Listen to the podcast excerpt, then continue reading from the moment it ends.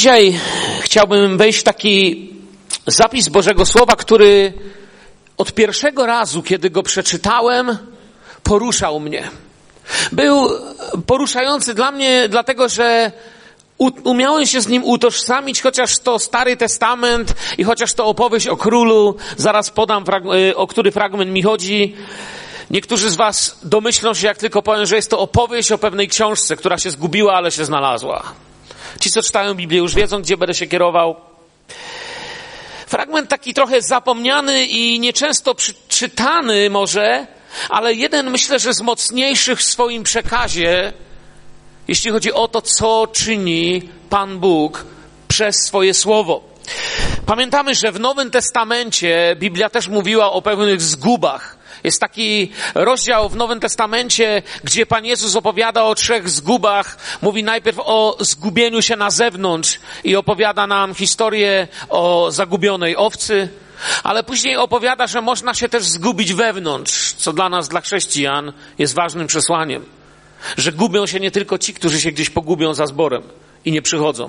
Można się zgubić wewnątrz i wtedy trzeba światła i porządków, żeby to uporządkować. Im opowiada o kobiecie, która zgubiła monetę.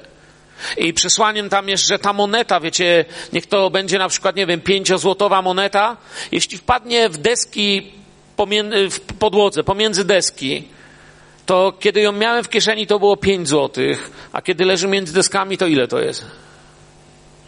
To jest nadal 5 złotych, prawda? Zresztą tu kiedyś na ten temat usługiwałem. Nadal jest to 5 złotych, nadal jest to cenne, chociaż zgubione i na razie nie da się użyć pełnej wartości. I to znaczy być zgubionym.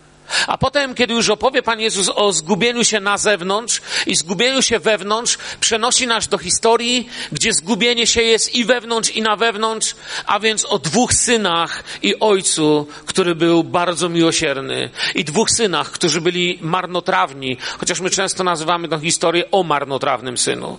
Ale każdy, kto się głębiej wczyta, widzi historię o dwóch marnotrawnych synach. Obydwoje jeden i drugi coś tracili.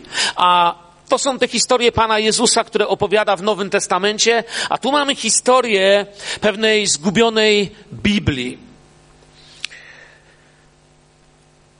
Pamiętam, chcę coś teraz jasno powiedzieć. Ja nie byłem e, w tym obiegowym znaczeniu, może nie teologicznym, ale obiegowym aniołkiem.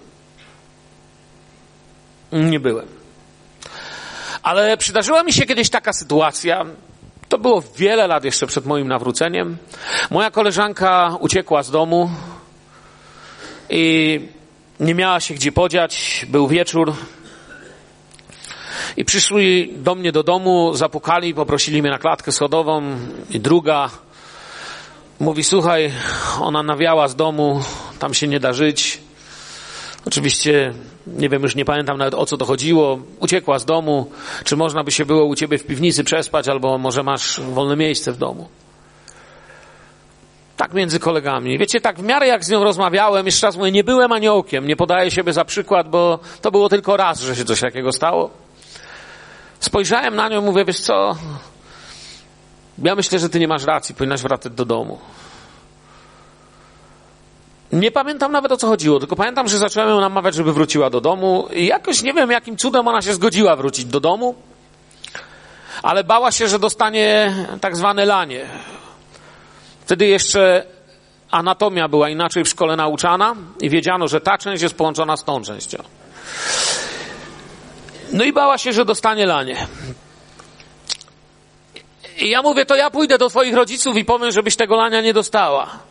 A to jak tak zrobisz, no to dobrze. No i pojechaliśmy wcale nie tak daleko stąd od zboru to było. Teraz się zastanawiam, jak się potoczył los tej koleżanki. Ale pojechaliśmy do niej do domu, jej mama otwarła drzwi patrzy na mnie, a ja jej mówię, że wiem, gdzie jest jej córka, ona się zainteresowała, wpuściła ją do środka. No ja mówię, ale ona się boi, że dostanie od pani Lanie i od taty. A ona mówi, nie dostanie żadnego lania, chcemy z nią porozmawiać. No ja mówię, no ona jest tutaj, piętro niżej.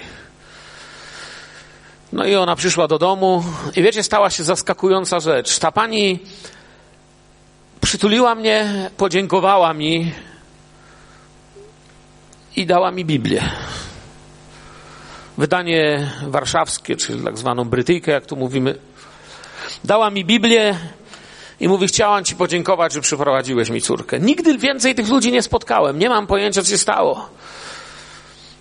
Ale ta Biblia u mnie w domu przeleżała parę lat i w ogóle jej nigdy nie używałem. No przeglądłem tam coś, poczytałem z Łukasza, z Mateusza, co tam rozumiałem o stworzeniu świata, ale potem już nie rozumiałem, odłożyłem. Później używałem ją jako podpórkę do drzwi, żeby się nie zamykały. Używałem ją jako podpórki do okna. Może się ktoś gorszyć, ale wiecie, wielu ludzi na świecie, których nie znacie, tak właśnie używa Biblię. Jest po prostu podpórką, jest ozdobą na półce, jest bezużyteczna, ponieważ ludzie po nią nie sięgają. Biblia nie jest i my nie uprawiamy żadnej magii, jakimś czarodziejskim kamieniem, który ma promieniowanie święte i coś się na święto napromieniuje od samego jej stania na półce. Więc do tego ją używałem. Okno mi się zawsze zamykało, więc jak ją tam wcisłem między blachę i okno, to się okno nie zamykało. Nigdy nie przypuszczałem, że ta właśnie Biblia będzie moją pierwszą Biblią, z którą pojadę na nabożeństwo do zborów w Wapiennicy. Będzie moją pierwszą Biblią, którą będę czytał z pastorem, który się mną zajął, mówiłem już tu o tym z bratem Zbyszkiem Sobczukiem, że tam on mi będzie w niej pokazywał największe odkrycia mojego życia. Nigdy nie przypuszczałem, że tą Biblię będę trzymał w dłoni, kiedy będę jechał pociągiem do Cieszyna, żeby się ochrzcić. Bo wtedy chrzty odbywały się w Cieszynie, zbór w Bielsku jeździł do Cieszyna na chrzty.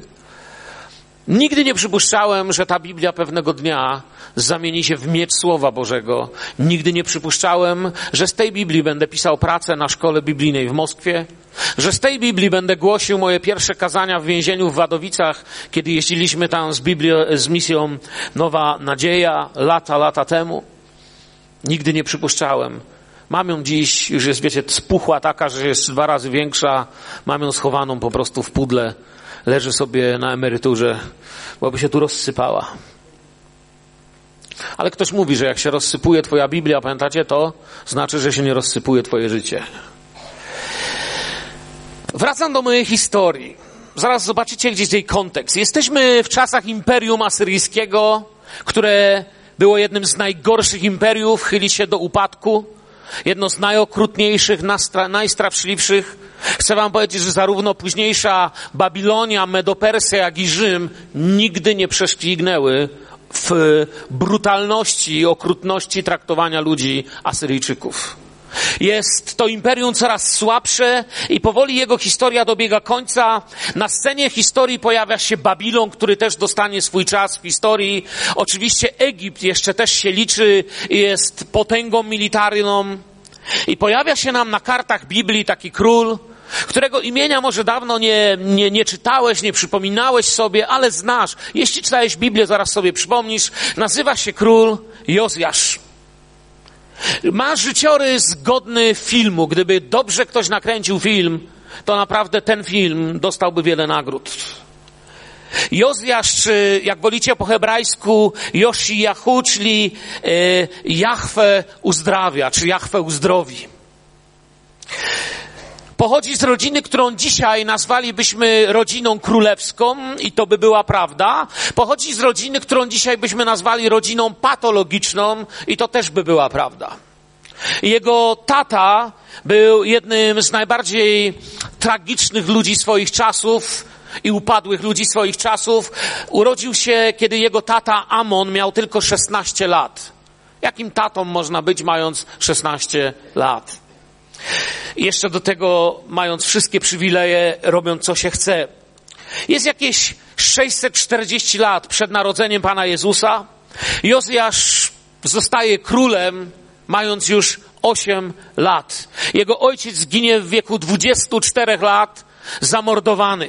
A więc Jozjasz zostaje królem mając 8 lat, widzimy to w wersecie pierwszym, y, i włada południowym królestwem Judy. Aha, nie podałem księgi. Zaraz przejdę do księgi. Jest synem jednego, jak powiedziałem, z najgorszych królów, dlatego że jest to zbrodniarz. Jest to człowiek, który odciągał Izrael od Boga, popełnił wiele zbrodni. Amon, jego mama natomiast jest troszeczkę inna. Nazywała się Jedida, o mówię o mamie Jozjasza. czyli co się tłumaczy umiłowana, a więc syn umiłowanej, Jedidy i Amona. Jego ojciec, jak powiedziałem, dochodzi do 24 roku życia, kiedy już nawet zepsuci poddani mają go tak dość, że zawiązuje, zawiązuje się militarny spisek i po prostu armia i politycy obalają go, mordują go. Spiskowcy oczywiście zostają potem też zabici, a na tronie zasiada Jozjasz, mając 8 lat. To w jego czasach, kiedy on zasiada na tronie, prorok Jeremiasz obejmuje urząd proroka i rozpoczyna swoją służbę. Jest to napisane w Jeremiasza 1.2. Nie musicie tego czytać, to nie jest związane z dzisiejszym słowem. Jest prorokiem niestety bardzo długo niewysłuchiwanym przez Izrael.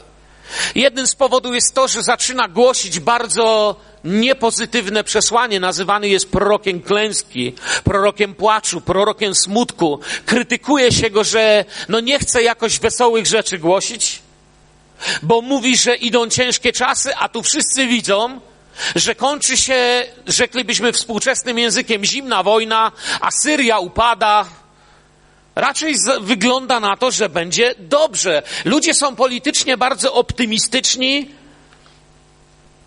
ale ten prorok, Jeremiasz, będzie działał aż do klęski uprowadzenia, czego oczywiście nasz bohater dzisiejszy Jozjasz już nie zobaczy. Tak wygląda tło. Dodam jeszcze, Jozjasz rządzi 31 lat, dużo dłużej niż jego ojciec i Biblia Duch Święty, który podaje nam to słowo, mówi nam o nim, że jest człowiekiem całkowicie ufającym Panu i Jego słowu. I tu dochodzimy do tego, co chciałbym za chwilę przeczytać. Zaczyna się to wszystko 622 lata przed narodzeniem Pana Jezusa. Jeżeli możecie, otwórzcie Wasze Biblię, druga Księga Królewska, 22 rozdział. Druga Księga Królewska, 22 rozdział.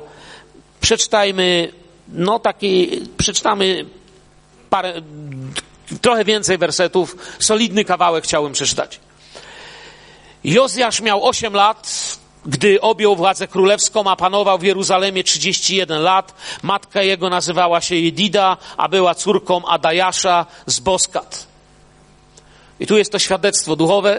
Czynił on to, co prawe w oczach Pana, kroczył we wszystkim drogą Dawida, swojego praojca, nie odstępując od niej ani w prawo, ani w lewo. W osiemnastym roku panowania króla Jozjasza wysłał król sekretarza Szafana, syna Asaliasza, syna Meszulama do świątyni Pana z takim poleceniem. Wstąp do arcykapłana Hilkiasza, niech wyda pieniądze przyniesione do świątyni Pana, jakie odźwierni zebrali od ludu i niech je przekaże do rąk kierowników robót, mających nadzór nad świątynią Pana.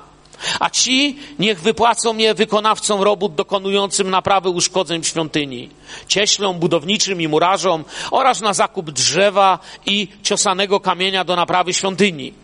Lecz nie trzeba rozliczać się z nimi z pieniędzy im wręczonych, gdyż pracują uczciwie. Wtedy arcykapłan Hilikiasz rzekł do sekretarza Szafana, znalazłem w świątyni Pana księgę zakonu. I wręczył Hilikiasz księgę Szafanowi, który ją przeczytał. Następnie sekretarz Szafan udał się do króla i zdał sprawę królowi, powiadając, słudzy twoi wysypali pieniądze, jakie się znajdowały w świątyni i wręczyli je kierownikom robót mającym nadzór nad świątynią. Po czym sekretarz Szafan doniósł królowi następującą rzecz. Kapłan, Hilkiasz, wręczył mi księgę i Szafan odczytał ją przed królem. Gdy tedy król usłyszał treść tej księgi, rozdarł swoje szaty i dał taki rozkaz kapłanowi Hilikiaszowi. Ach, Achikaminowi, synowi Szafana, Akborowi, synowi Michajasza, sekretarzowi Szafanowi oraz dwo, dworzaninowi królewskiemu Asajaszowi. Idźcie zapytać się o wyrocznie Pana, co do mnie, co do ludu i co do i co do całej Judy w związku z treścią tej księgi, która została znaleziona, gdyż wielki jest gniew Pana, który rozgorzał przeciwko nam. Dlatego, że nasi ojcowie nie słuchali słów tej księgi, aby spełnić wszystko, co tam dla nas napisane. Poszli więc kapłan Hilikiasz i Achikam i Akbor i Szafan i Asajasz do prorokini Huldy, żony Szaluma, syna Tikwy, syna Harhasa przełożonego szatni. Mieszkała ona w Jeruzalemie, w drugiej dzielnicy, a gdy z nią rozmawiali, porozmawiali, ona rzekła do nich. Tak mówi Pan, Bóg Izraela. Powiedzcie mężowi, który posłał was do mnie, tak mówi Pan, oto ja sprowadzę nieszczęście na to miejsce i na jego mieszkańców zgodnie ze wszystkimi słowami tej księgi, którą przeczytał król ludzki, za to, że mnie opuścili i spalali kadzidła innym bogom, drażniąc mnie wszystkim, co czynią ich ręce. To też rozgorzał mój gniew na to miejsce i nie ochłonie. Królowi ludzkiemu zaś, który was posyła po wyrocznym Pana, tak powiedzcie. Tak mówi Pan, Bóg Izraela, co do słów, które słyszałeś. Ponieważ twoje serce zmiękło i ukorzyłeś się przed Panem, gdy usłyszałeś, co powiedziałem o tym miejscu i o jego mieszkańcach, że staną się przedmiotem grozy i przekleństwem i rozdarłeś swoje szaty i zapłakałeś przede mną, przeto usłyszałem i ja, mówi Pan. To też ja przyłączę Cię do Twoich ojców i w pokoju będziesz złożony w Twoim grobie, aby Twoje oczy nie oglądały całego tego nieszczęścia, jakie ja sprowadzę na to miejsce. A oni zanieśli królowi tę odpowiedź. Amen porządny kawałek Słowa Bożego. Nie planuję omówić wszystkiego. Wiem, że i czas leci i też nie po to tu przyszliśmy, żeby może jakąś, nie wiem, dokładną werset po wersecie lekcję prowadzić. Mam pewne przesłanie tego słowa. Wierzę, że duchowe przesłanie tego słowa dla ciebie, dla mnie, dla Kościoła, dla każdego, kto dzisiaj tutaj przyszedł. To jest niezwykła historia, która uczyniła Boga wielkim w dniach, kiedy Bóg dla wielu ludzi nie był już taki realny i ludzie utracili swoją wiarę. Była oczywiście świątynia, wiecie, religia umiera ostatnia. Religia trwa najdłużej, ale żywa wiara, jeżeli nie jest podtrzymywana w relacji z Bogiem, umiera pierwsza. I pojawia się król. Król jest młody, rządy sprawuje oczywiście za niego matka. Prawdopodobnie to ona ma też wpływ na jego postawy i serce. Zastanawiają się teolodzy i ci, którzy badają Słowo Boże, czy nie miała ona dużo bliższej relacji z Bogiem niż nam się wydaje. Prawdopodobnie przez nią właśnie pojawia się w królu takie pragnienie kochania Pana Boga i poszukiwania Go. I może jej imię umiłowana nie jest wcale jedynie tylko imieniem. Król od początku bierze się do pracy. W ósmym roku swego panowania, mówi Słowo Boże, chociaż jeszcze był młody, zaczął szukać Boga, mówi druga księga Kronik 34, trzeci werset. Zaczął szukać Boga. Był już osiem lat królem. Mógł już się przyzwyczaić do wygód, mógł się przyzwyczaić, że jest kimś i że właściwie wszystko jest dobrze. Ogólnie większość proroków tamtego czasu mówiła, że będzie pięknie i wspaniale. W tamtym czasie dwóch proroków było prześladowanych za niepopularne kazania. Był to Sofoniasz i był to Jeremiasz. A tutaj czytamy, że był jeszcze młody, zaczął szukać Boga. Kiedy człowiek zaczyna szukać Boga, wszystko zaczyna się zmieniać, bo Bóg jest Bogiem, który chce być szukany. Bo jest Bogiem, który szuka człowieka, co nieraz tutaj przez ostatnie dni codziennie, prawie studiując Słowo Boże, widzieliśmy zaczął szukać Boga, Dawida, swego praojca, a w dwunastym roku zaczął oczyszczać Judę i Jeruzalem. Zaczął szukać Boga Dawida. Myślę, że to jest taka, takie delikatne słówko, tu nie tylko w tradycji y, żydowskiej tak się mówiło, ale też ono pokazuje, że to nie do końca był jeszcze jego Bóg. Być może jesteś tutaj na sali i Twój Bóg to jest ciągle Bóg Twojej mamy, Twojego taty, Bóg dziadka, Bóg, Bóg zielonoświątkowców, Bóg, Bóg kogoś tam, kto Ci powiedział. My myślimy czasami, że jest Bóg katolików, Bóg protestantów i, i Bóg tradycyjny, i Bóg taki i owaki. Dopiero szukając Boga, wchodząc w relację z Nim, odkrywamy, że Bóg jest święty. Że to, co się i prawda zaczyna się dziać wtedy, kiedy Bóg jest Twoim Bogiem, a Ty jesteś Jego dzieckiem. Młody król nie próżnuje, jest osobiście przy oczyszczaniu wszystkiego z bałwochwalstwa i z tej zależałości. Wiecie, praktycznie oddawanie czci Jahwe dochodzi do bardzo niskiego i biednego poziomu. Bałwochwalstwo się szerzyło. W drugiej księdze kronik w 34 rozdziale czytamy, że w jego obecności zaczęto burzyć ołtarze Baalów. No więc oddawano Baalom cześć i chwalono je w wielu miejscach. Ogólnie Baale oznacza nie tylko Baala, ale te bożki, chociaż samo słyszałem luźniejsze tłumaczenie yy, dochodzące do korzeni słowa oznacza, że Baal jest to Bóg, który jest tym, jest to Pan, który jest tym, czym ja chcę, żeby był Pan. Myślę, że bardzo dobra definicja bałwana. Bałwan jest dokładnie tym, czym się chce, żeby był. Bałwan nic nie może powiedzieć. Możesz mu go nazywać jak chcesz, on jest. Tym, czym ty chcesz. Tu jest napisane, zaczął szukać Boga. Wiecie, co to znaczy zaczął szukać Boga? Jakby napisali, włożył paczkę dynamitu do kominka, to delikatniejsze by było. To znaczy szukać Boga. Zaczął szukać Boga. To jest równoznaczne po prostu z absolutną eksplozją wszystkiego, czym jest, co masz w życiu i kim jesteś. Jeśli naprawdę zaczynamy szukać Boga, to wszystko się zmienia. On nie zaczął chodzić do kościoła, bo wtedy wielu chodziło do świątyni różnych. On zaczął szukać Boga. Oczyszczanie i zewnętrzne reformy nie zatrzymuje się z reformatorem. Trwają 18 lat. Ale to, co szukanie Boga przyniesie, jest zaskakujące. Może ludzie spodziewali się cudów, może myśleli, że ziemia zadrży, może nie wiadomo czego się spodziewali, ale Bóg ma dla niego coś więcej i widzi prawe serce króla. Trwa remont, postanawiając zająć się jak trzeba domem Bożym. Trwa remont i odnajdują księgę. Leży tam prawdopodobnie od czasów Manasesa, króla bezbożnika. Arcykapłan Ilikiasz mówi: Znalazłem w świątyni Pana księgę zakonu. Mówi, tam jak czytalibyśmy w oryginale, mówi, że znalazł Sefer Torah, a więc księgę Tory. Nie wiem, z jakich ksiąg korzystał do tej pory ten kapłan, ale poruszyło go bardzo. Poruszyło go to bardzo. Arcykapłan Hilkiasz znajduje księgę Słowa Bożego, zanosi ją do ministra królewskiego Szafana, znawcy kultury i pisarza królewskiego, człowieka, który wie na czym politycznie i w ogóle na czym stoją. Ten zaczyna czytać i nie zachowuje tego dla siebie. Nie przypomina wam to pewnego fragmentu z Nowego Testamentu?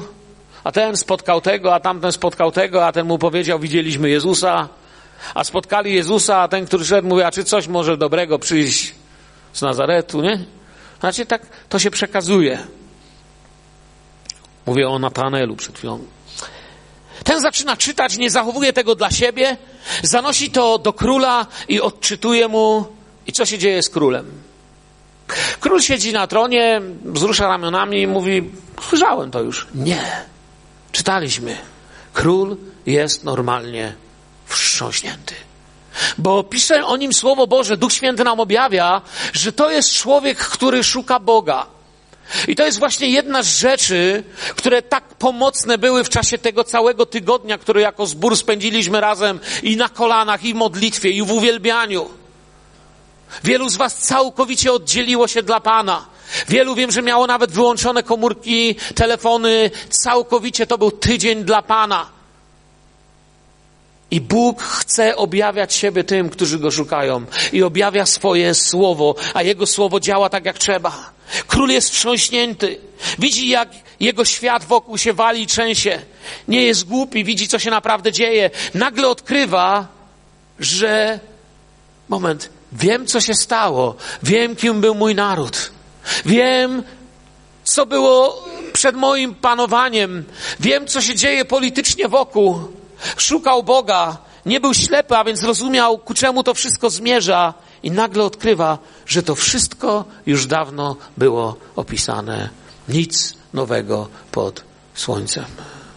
Nic nowego pod słońcem. Wszystko już było opisane. Pisało o błogosławieństwach, ale i o tragedii, jaka spadnie na naród nieprzestrzegający Słowa Bożego. Król nie tylko nie wiedział o tym, ale sam żyjąc w niewiedzy zaczyna widzieć, że właściwie nikt tego przecież nie przestrzegał. To, co było tu wielkie, to, co chcę, aby zostało w Was, bracia i siostry, dzisiaj. To, co tu jest wielkie w tej historii, to jest to, że to największy cud tej historii dzieje się przez Słowo Boże. Nie przyjeżdża przed króla cudotwórca, który ściąga ogień z nieba. Nie przyjeżdża ktoś, kto mówi, a ja wszystko mogę. Nie przyjeżdża ktoś, kto obiecuje nie wiadomo co i nie wiadomo jakimi słowami próbuje króla, mm, nie wiem, pobudzić do tego, żeby bardziej Pana Boga kochał, ale po prostu cud się dzieje przez Słowo Boże. Nie ma ognia, niezwykłych zjawisk, cudów. Mimo to historia jest o cudzie, cud tego, co stało się w ludzkim sercu, które naprawdę w końcu jest gotowe przez szukanie Boga przez słuchanie tego, co Bóg ma do powiedzenia, na przyjęcie słowa. Myślę, że moje pierwsze pytanie dzisiejszego poranku jest, czy właśnie tacy, tacy przychodzimy, czy moje serce nie potrzebuje cudu? Może biegam za moim uzdrowieniem, może biegam za jakimś innym cudem mojego życia, nie wiem, yy, jakąś inną sprawą, no bo mógłbym wymieniać całą yy, uzdrowienia, yy, biznesy, yy, pieniądze, problemy, rachunki, związania, różne, różne. Może nie wiadomo, za czym biegam. A może tak naprawdę moje serce dziś potrzebuje po prostu Słowa Bożego? Może sobie troszkę zapomniałem, że w Kościele nie tyle chodzi o cuda, co chodzi o Słowo Boże. A to jest bardzo duża różnica, co za chwilę jeszcze powiem. Czy moje serce, czy moje życie nie potrzebuje dziś takiego cudu? Wszystkie problemy, jakie miał ich naród, jakie miał Izrael, nie wynikały przecież z braku cudów. Mało mieli cudów, ale z braku słowa. To, co spowodowało największy upadek, to nie był brak cudów, to był brak słowa. To, co spowoduje upadek Twój, Twoich dzieci, mój, moich dzieci, nasz, tego, co kochamy, to nie będzie to, że nie będziemy oglądać cudów. To będzie to, jeśli zaniedbamy w naszym życiu Słowo Boże. Wtedy reszta nie ma znaczenia. To nie cuda czynią wiarę, pamiętajmy. Czasem tak się próbuje głosić Ewangelię, ale to jest złe postawienie sprawy. To nie cuda czynią wiarę, ale to wiara sprawia, że dzieją się prawdziwe cuda. Ponieważ cuda mogą się dziać i niekoniecznie Bóg będzie ich autorem. Na ludziach robi wrażenie to, że to, co przepowiedziała cyganka, no przecież stało się. Ale nie zadają sobie pytania, kto był autorem.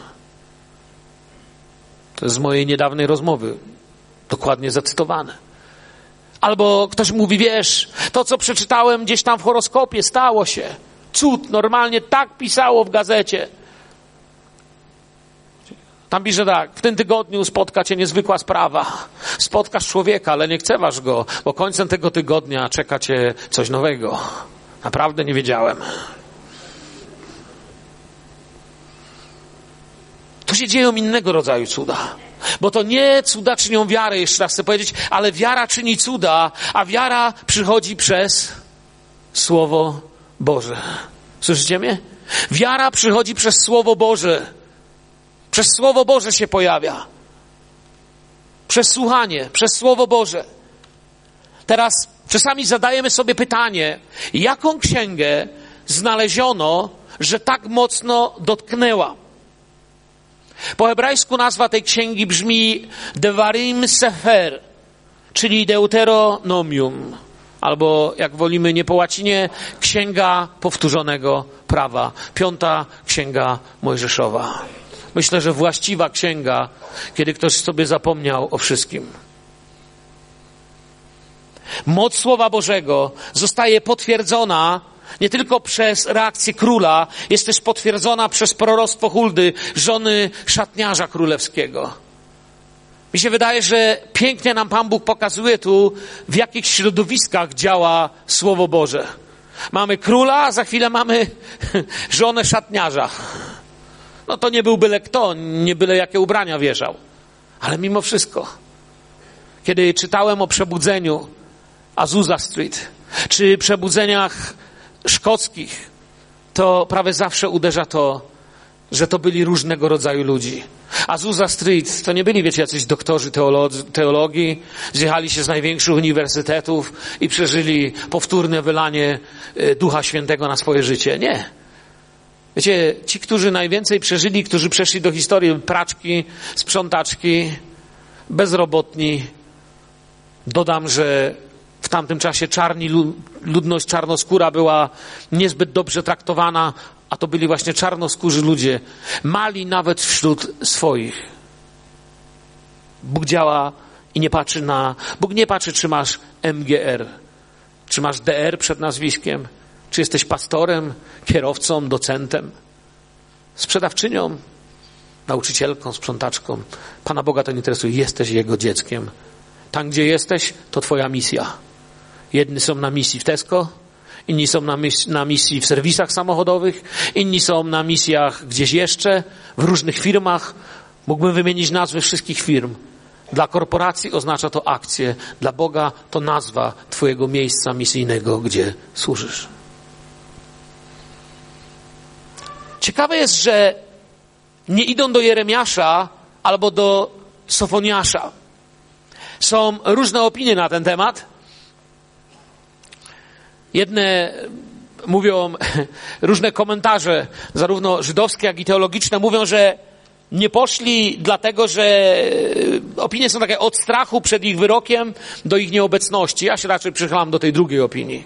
Jozjasz nie był kimś, kto już się bał, że Pan Bóg nie wiadomo co powie. Chociaż wiemy, że Sofoniasz nie przebierał.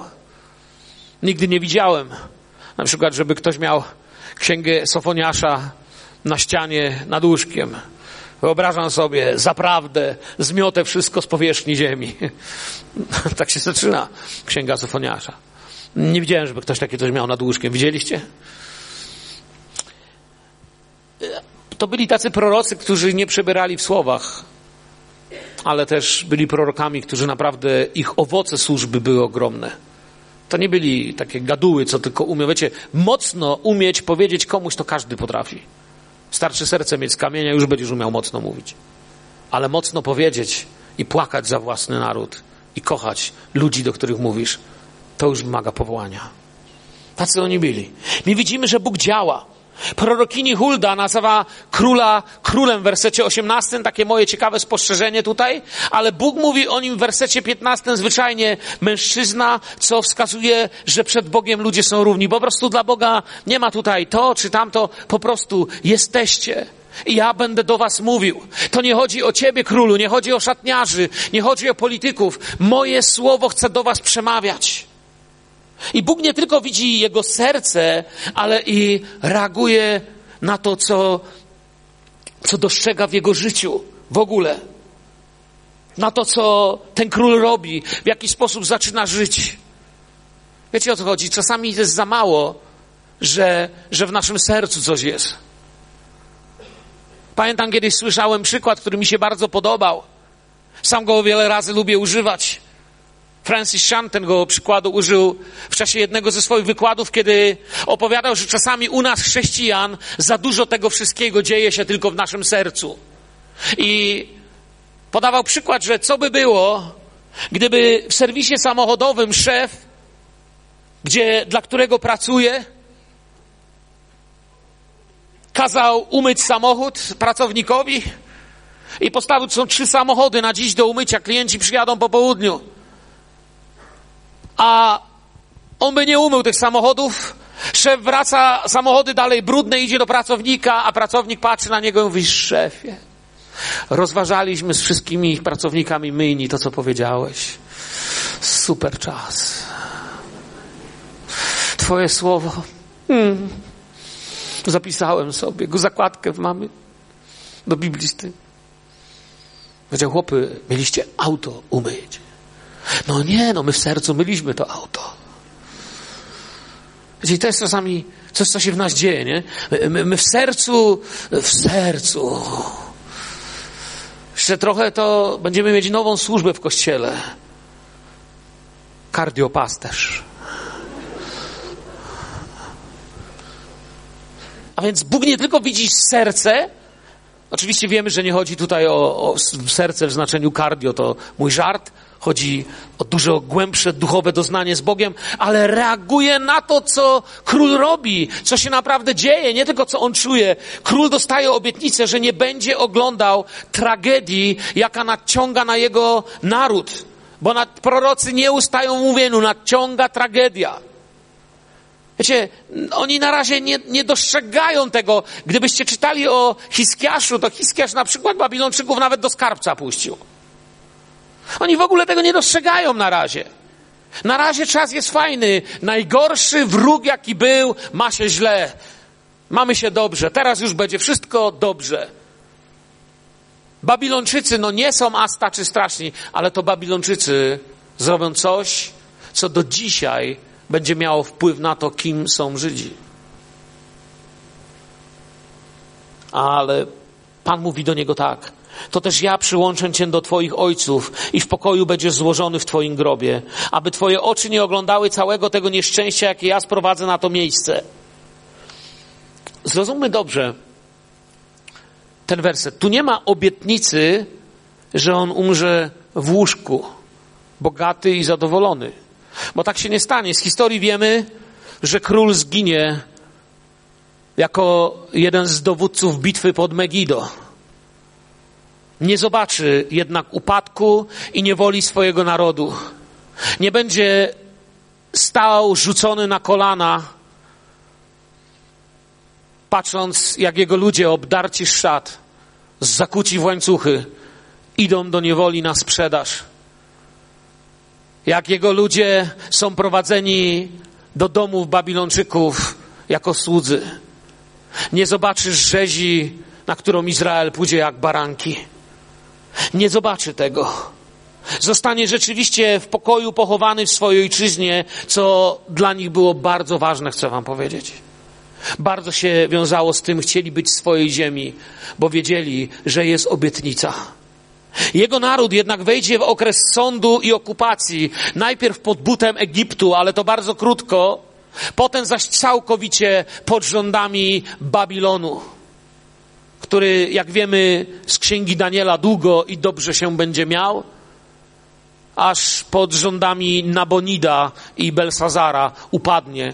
To jest tam, gdzie mamy w księdze Daniela opisaną ostatnią noc Babilonu. Belsazar jest w pałacu i ucztuje. Nabonid dowodzi bitwą. Nabonid już doświadcza klęski, a Belsazar czyta napis Mene, mene Tekel Uparsin.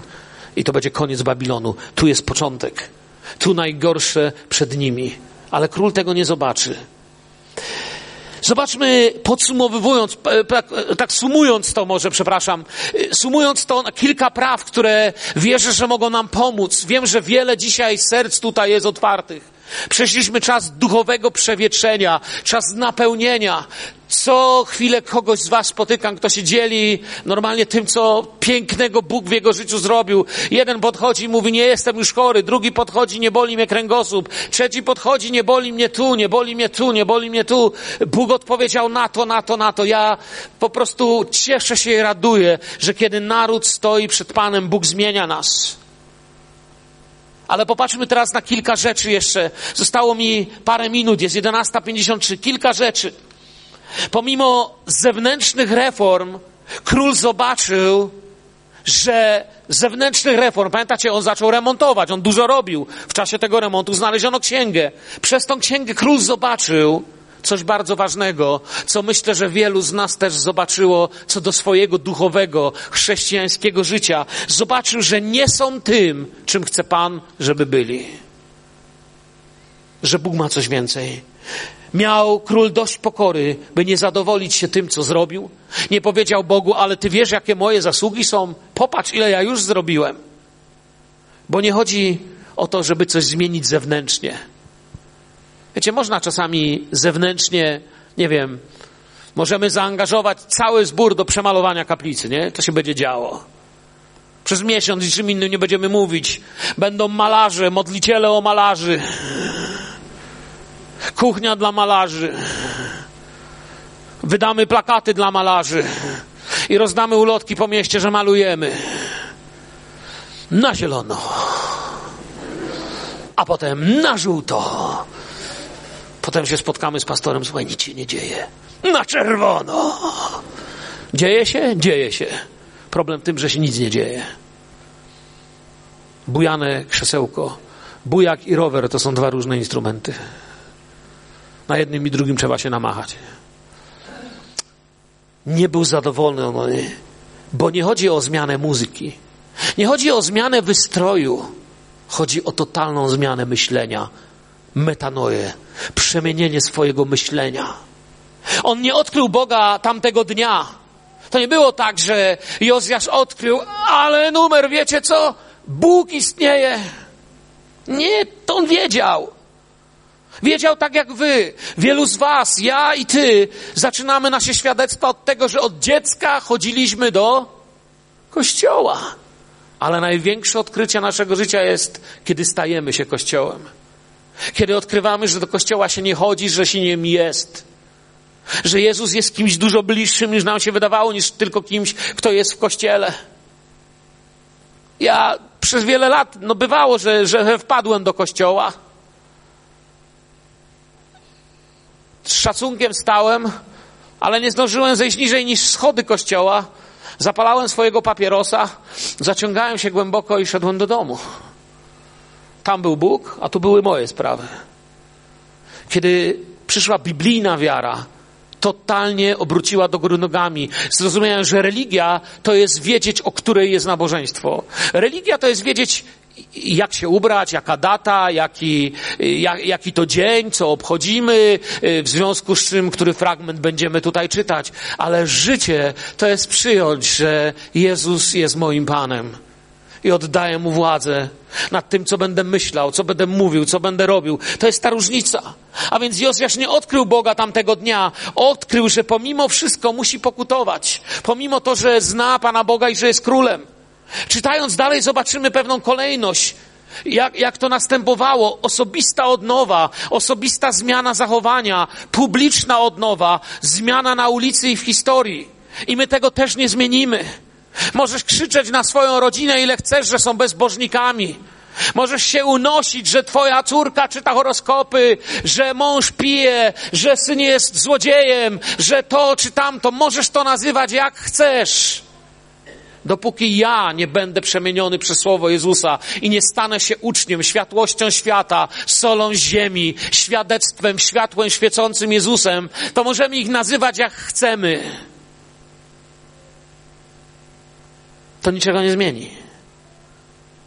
Najpierw musi być osobista zmiana odnowa, osobista zmiana zachowania. Potem będzie publiczna odnowa. Ulice się nie zmienią, jak ja się nie zmienię. My, Polacy, naiwnie w to wierzymy, że przyjdą następne wybory i wtedy będzie lepiej. A niby dlaczego miałoby być lepiej? Tylko dlatego, że się, nie wiem, znaczek zmieni, chorągiewka się zmieni? Jedni w kościele powiedzą, że teraz rządzą ci, za którymi jestem i nareszcie se poszli tamci, a tamci powiedzą, że złodzieje teraz przyszli i oni byli dobrze. Słuchajcie, nas to nie dotyczy.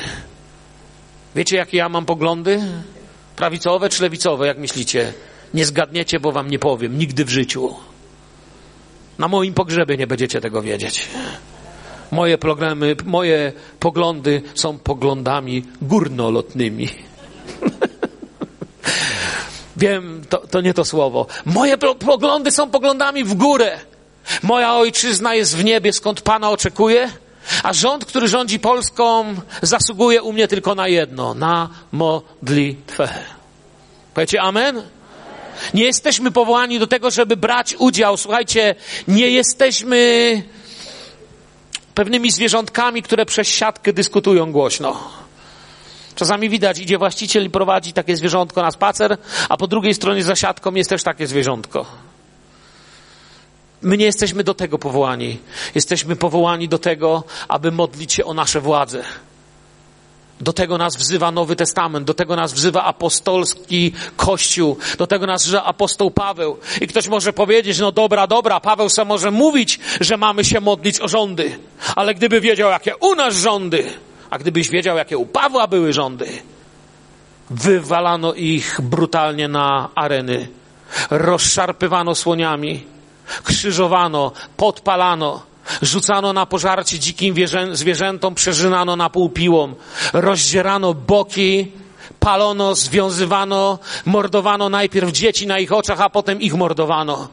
A oni stali i mówili, Panie, modlimy się o Cezara, modlimy się o cesarza, modlimy się o pretorian, modlimy się o legiony, modlimy się, modlimy się, modlimy się, aż w końcu doszło do tego, że tysiące legionistów zaczęło przyjmować wiarę. Dochodziło do tego, że pierwszy kościół dał takie świadectwo, że nawet legiony, które dawały radę, każdym temu nie dały rady. Publiczna odnowa przychodzi, kiedy wewnątrz nas jest odnowa. Błogosławieństwo dla tych, co wytrwają i straszny los dla tych, którzy zadowolili się staniem blisko, ale nie robili nic. Król uczy nas, że wszelkie zmiany wokół nas są poprzedzone zmianami w nas. Zanim naród coś usłyszy, musiał to usłyszeć król. Ten przykład dla liderów jest dobry, chociaż nie są królami. Nie, nie, jestem, mogę o sobie powiedzieć jednym, no, ja nawet nie za bardzo przypadam zresztą liderem kościoła, bo nie, źle mi się tak o sobie mówi. Ale w jakiś sposób Głoszę do Was, a więc wymaga się ode mnie, żebym miał pewne świadectwo. I ja wiem jedno, że zanim usłyszycie moje kazanie, ja muszę być człowiekiem, który spędzi czas przed Bogiem. Możecie tu amen powiedzieć, nie? Tak jest. Nie chcecie mieć zakazalnicą bezbożnika, który jednym życiem żyje tu, a drugim ży życiem żyje tam, który się boi głosić otwarcie, kiedy żona albo syn są na sali, bo oni wiedzą. Nie, ja mogę śmiało. Oni wiedzą, że tym, czym jestem tu, tym jestem w domu, tym jestem w moim życiu. Zanim Kościół usłyszy, ci, którzy głoszą, muszą być tym, co głoszą. Zanim więźniowie usłyszą, ci, którzy chodzą do więzienia, muszą być tym, z czym tam idą. Muszą mieć sami wolność, żeby głosić wolność. Zanim usłyszą chorzy na depresję, to muszą mieć wolność i pełne zwycięstwo ci, którzy to będą głosić. Zanim usłyszą dzieci na szkółce, muszą mieć wolność i pełne zwycięstwo ci, którzy tam będą pracować. Zanim Kościół usłyszy, ci, którzy głoszą, muszą tym być. I to się dzieje z królem. Nie przestała istnieć przecież świątynia, ale nie było w niej Słowa Bożego. Nie przestali chodzić i robić coś duchowego, ale nie było w tym Słowa Bożego. Łatwiej jest uczyć o tym, co dobre. Trudniej jest tym żyć. Największą prawdę o tobie powie ci twoja żona i twoje dzieci. Miej odwagę dziś po nabożeństwie w samochodzie, ale się nie kłóćcie. A szczególnie do facetów mówię. Nie wolno ci żony wysadzić, ani nie wolno jej przerywać. Spytaj, czy widzisz we mnie Chrystusa? Czy według ciebie jestem mężem według serca Bożego? Ale obiecaj, że to są ostatnie słowa, jakie powiesz, zanim ona nie skończy.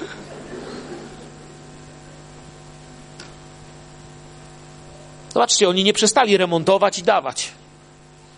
Datki były, jak nam mówi Słowo Boże, bardzo dobre, dlatego przeczytałem cały ten fragment. Ich aktywność nie ustała. Ich problem nie dotyczył aktywności. My też możemy być, Filadelfia może być bardzo aktywnym kościołem, amen? Tylko możemy doprowadzić do miejsca, że w naszej aktywności może nam się niechcąco zapomnieć, o co naprawdę tu chodziło. Jezus chce być Twoim Panem. Chcę mieć wpływ na Twoje myślenie, Twoje decyzje, Twoje słowa, Twój sposób wybaczania, podchodzenia do ludzi. A tutaj Słowo Boże leżało zakopane. Ja wierzę, że to jest dla nas ostrzeżenie, by u nas się tak nie stało. Wierzę, że ostatni tydzień wielu spędziło karmiąc się tylko Słowem Bożym. Prócz, prócz wody niczym się nie karmili, ani telewizją, ani chlebem. I wierzę, że to przemówiło do nas wszystkich, że to jest właściwe słowo na ten czas. Bóg nie bardzo zauważa, co budują i remontują. Ale to, co naprawdę widzi, mówi, ponieważ Twoje serce zmiękło i ukorzyłeś się przed Panem, gdy usłyszałeś, co powiedziałem o tym miejscu, o Jego mieszkańcach, że staną się przedmiotem grozy i przekleństwem, rozdarłeś swoje szaty i zapłakałeś przede mną, przeto usłyszałem i ja, mówi Pan, serce zmiękło. Czy dzieje się to u mnie? Czy moi bliscy widzą, że staje się człowiekiem łagodności, dobra, to są naprawdę problemy. Dzisiaj jest dość radykalnych, religijnych ludzi. Czy moje serce zmiękło? Czy ukorzyłem się przed Panem? Czy zacząłem uważnie słuchać Słowa Bożego? On rozdał szaty. To się może nam wydawać trochę dziwnie. Nikt z nich z was nie drze swoich ubrań. Wzór, wiecie skąd brali? Skąd Żydzi to wzięli, że rozdzierali szaty? To było po prostu naśladowanie z Księgi Rodzaju, 37 y, rozdziału, 34 werset jest mowa o tym, co uczynił Jakub, dowiedziawszy się o śmierci swojego syna Józefa.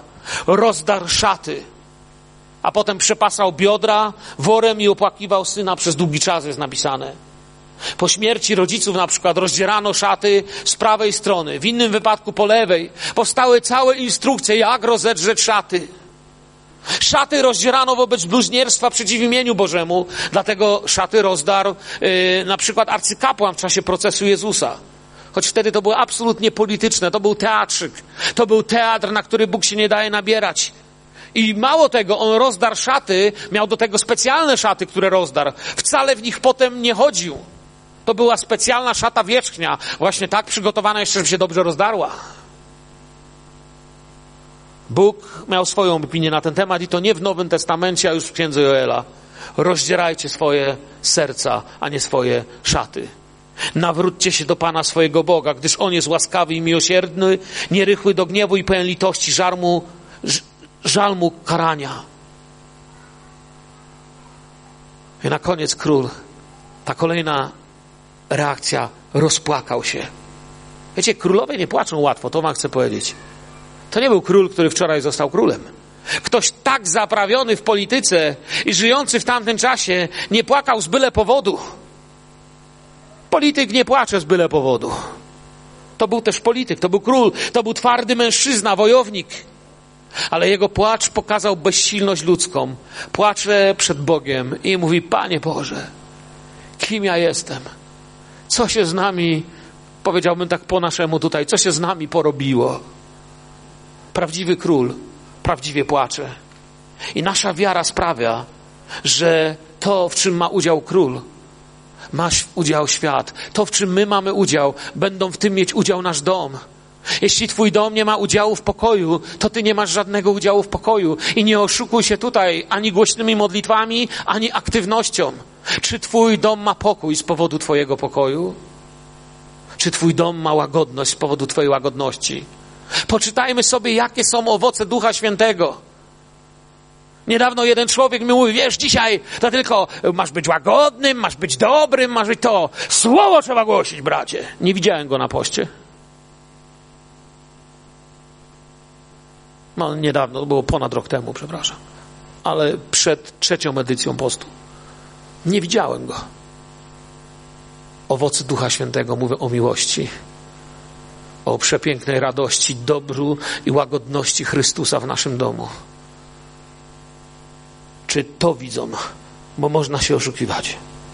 Los królestwa był przesądzony, ale Pan widział serce króla, które się zmieniało i pomimo tego, że zawalił się znany świat, kiedy już nie było Jozjasza, Jozjasz odszedł w końcu.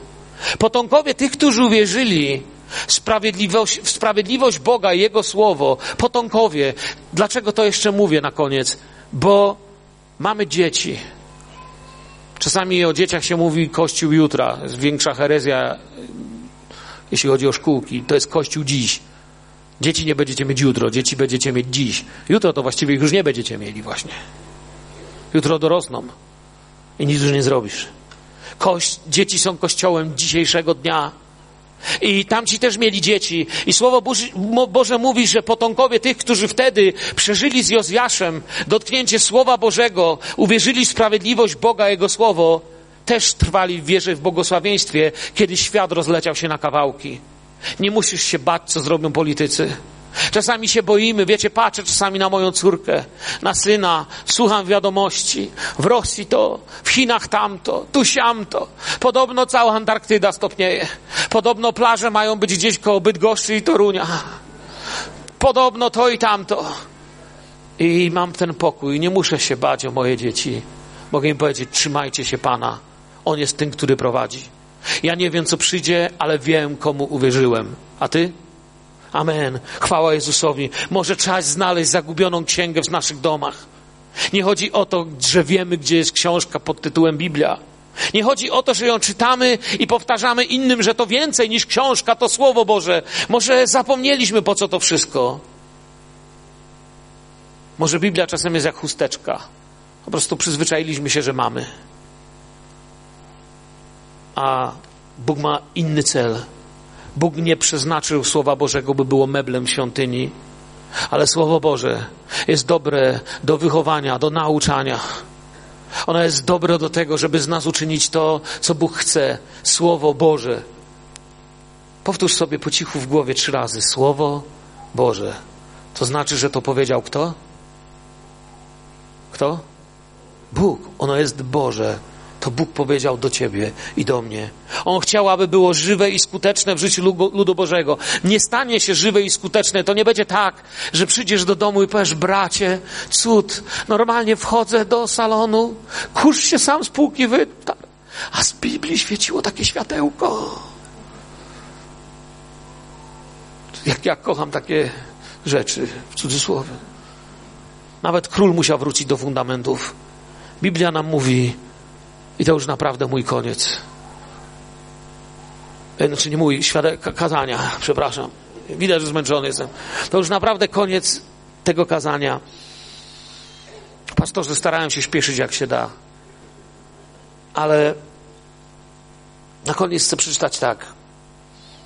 Jak zwrócić uwagę Pana Boga? Dał nam instrukcję, żeby się to zaczęło wszystko dziać. Gdy zamknę niebiosa, tak iż nie będzie deszczu. Albo gdy każe szaranczy, aby objadła ziemię, albo gdy ześlę zarazę na mój lud. I ukorzy się mój lud, który jest nazwany moim imieniem, i będą się modlić i szukać mojego oblicza, i odwrócą się od swoich złych dróg, to ja wysłucham z niebios i odpuszczę ich grzechy, i ziemię ich uzdrowię i będą moje oczy otwarte i moje uszy uważne na to, na modlitwę w tym miejscu zanoszoną, w tym miejscu pokuty, w tym miejscu, gdzie jesteś świątynią Ducha Świętego. Z tym was, przyjaciele, bracia, siostry, chcę zostawić. Pochylmy nasze głowy na chwilę jeszcze. Ojcze, błogosław ziarno tego słowa w naszym życiu. Daj nam, Panie, przejąć się tym, co Ty mówisz do Twojego Kościoła. I Panie, spraw, byśmy byli reformatorami naszego wnętrza, naszych domów, naszych relacji. Aby to, co się stanie w naszych domach i w nas, przyniosło się na Kościół, a przez Kościół na to miasto. Błogosław nasz kraj, błogosław naszą ojczyznę Polskę, aby w Polsce, aby Polska miała przywilej zobaczyć ludzi według serca Bożego którzy dadzą jej modlitwę, dobro, uczciwość i błogosławieństwo tym, kim są, za kim chodzą, wyznając, że Jezus Chrystus jest Panem. Amen. Niech Pan Was błogosławi, pastor. Już poproszę pastora, dziękuję za cały ten czas. Niech Bóg Was prowadzi, niech to słowo przyniesie wielki plon. Amen.